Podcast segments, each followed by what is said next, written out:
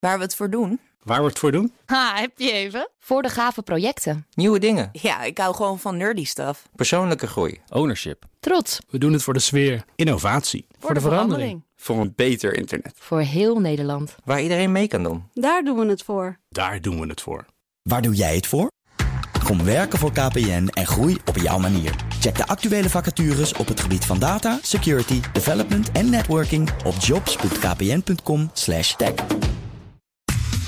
Wetenschap vandaag. Hoe zorgt een zenuwcel dat hij voor altijd een zenuwcel blijft? En kan dat ook misgaan? Daar hebben onderzoekers naar gekeken en wij gaan het erover hebben met wetenschapsdirecteur Carlijn Meiners.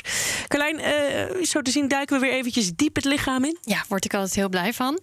Um, uh, we duiken diep het lichaam in van het welbekende C. elegans wormpje. Oh ja. In dit geval.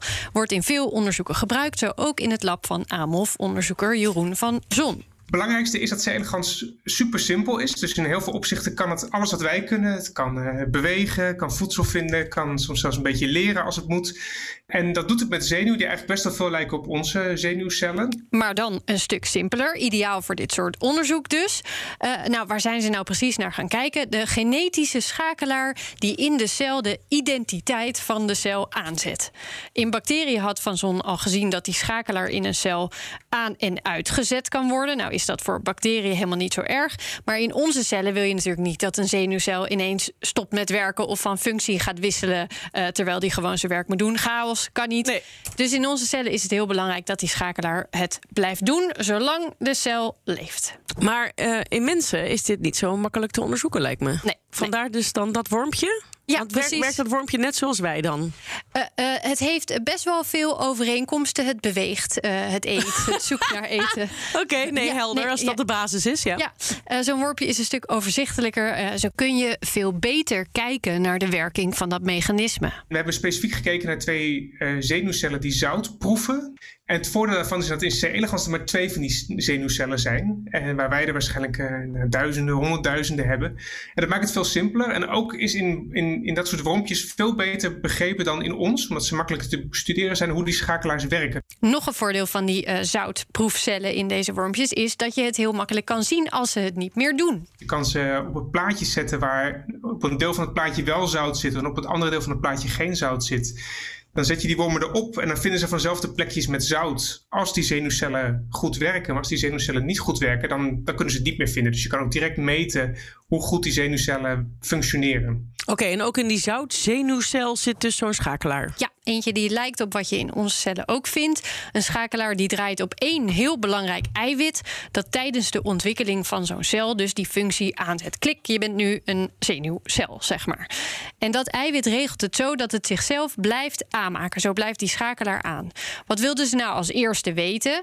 Als die schakelaar eenmaal aan is, kan hij dan ook nog uit? En daarbij hadden ze een beetje geluk... want er was net door een ander lab een hele techniek ontwikkeld. Waardoor we eigenlijk zelf, wanneer we wilden, dat eiwit weg konden halen. Um, en dat hebben we toen gedaan. Op verschillende momenten in, in zo'n wormpje, als het van een babywormpje naar een volwassen worm zich aan het ontwikkelen is.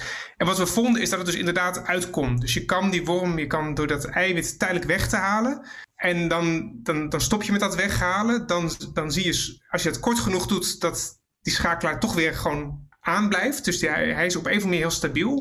Maar als je dat lang genoeg doet, dan gaat hij echt uit. En dat konden we ook zien, dat dan die wormen ook stopten met, uh, met zout waarnemen. Die konden niet meer het verschil tussen plekken met genoeg zout en, en geen zout meer waarnemen. Ja, dus als, je, als er lang genoeg een tekort van dat ene belangrijke eiwit is... dan gaat de schakelaar dus uit. En daarmee verloor de cel ook zijn functie. De, de fabriek gaat dan ook gewoon helemaal uit, zeg maar. Maar zo'n tekort aan dat eiwit, gebeurt dat in het echt ook? Nou, de hoeveelheid van een bepaald eiwit in een cel kan zeker wisselen. Dus er is niet de hele tijd evenveel van hetzelfde. En dat was dan ook de volgende vraag. Hoe kan het nou dat er misschien best wel eens wat minder van dat ene belangrijke eiwit is... maar dat die schakelaar het in ons lichaam, in onze cellen, gewoon blijft doen?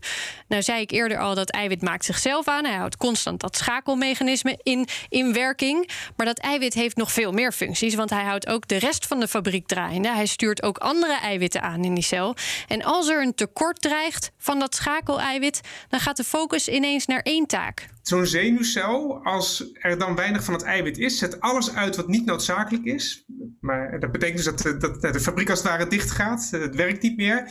Maar alleen die schakelaar houdt het in stand. Dus en, en dat konden we ook met, met computersimulaties zien. Als je zo'n soort mechanisme hebt, dan krijg je een, een, een schakelaar die ontzettend stabiel is. Dus ook als er best wel grote variatie in de cel is van het schakelaar-eiwit, dan blijft het altijd aanstaan, ehm, die schakelaar. Ook als heel veel van de andere genen die samen dat zoutproefneuron vormen, als die dan tijdelijk uit moeten omdat er te weinig van het schakelaar-eiwit is. Ja, en omdat die schakelaar het nog steeds blijft doen, op het moment dat er dan weer genoeg van alles is, dan kan de fabriek gewoon weer doorgaan. Een beetje denkt als mensen onderkoeld raken bijvoorbeeld. Dat dan je ledematen als eerste stoppen, maar je belangrijke om alles zeg maar, naar die organen te laten gaan. Dat is precies waar ik ook aan moet denken. Ja. Oh, ja. ja. het rompje en het hoofd. Ja, alles gaat naar de, de essentiële functies. Ja, ja. Um, uh, waarom is het nou belangrijk om dit te weten?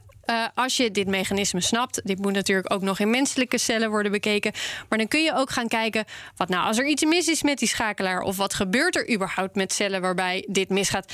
Ze hebben geen functie meer. Gaan ze dan een soort doelloos door het lichaam ronddwalen? Of gaan ze wat anders doen? Uh, worden ze wel opgeruimd? Zorgen ze voor problemen? En dan kom je ook weer een beetje bij veroudering van het lichaam. Oh, ja. um, uh, senescente cellen die, die moeten opgeruimd worden. Gebeurt dat in dit geval ook als, als zeg maar die schakelaar bijvoorbeeld kapot is? Uh, heel interessant beginnetje dus van een heleboel belangrijke vragen die nog beantwoord kunnen worden. Carlijn, dankjewel. Ook Bas van Werven vind je in de BNR-app. Ja, je kunt live naar mij en Iwan luisteren tijdens de ochtendspits. Je krijgt een melding van Breaking News. En niet alleen onze podcast Ochtendnieuws, maar alle BNR-podcasts vind je in de app. Download nu de gratis BNR-app en blijf scherp.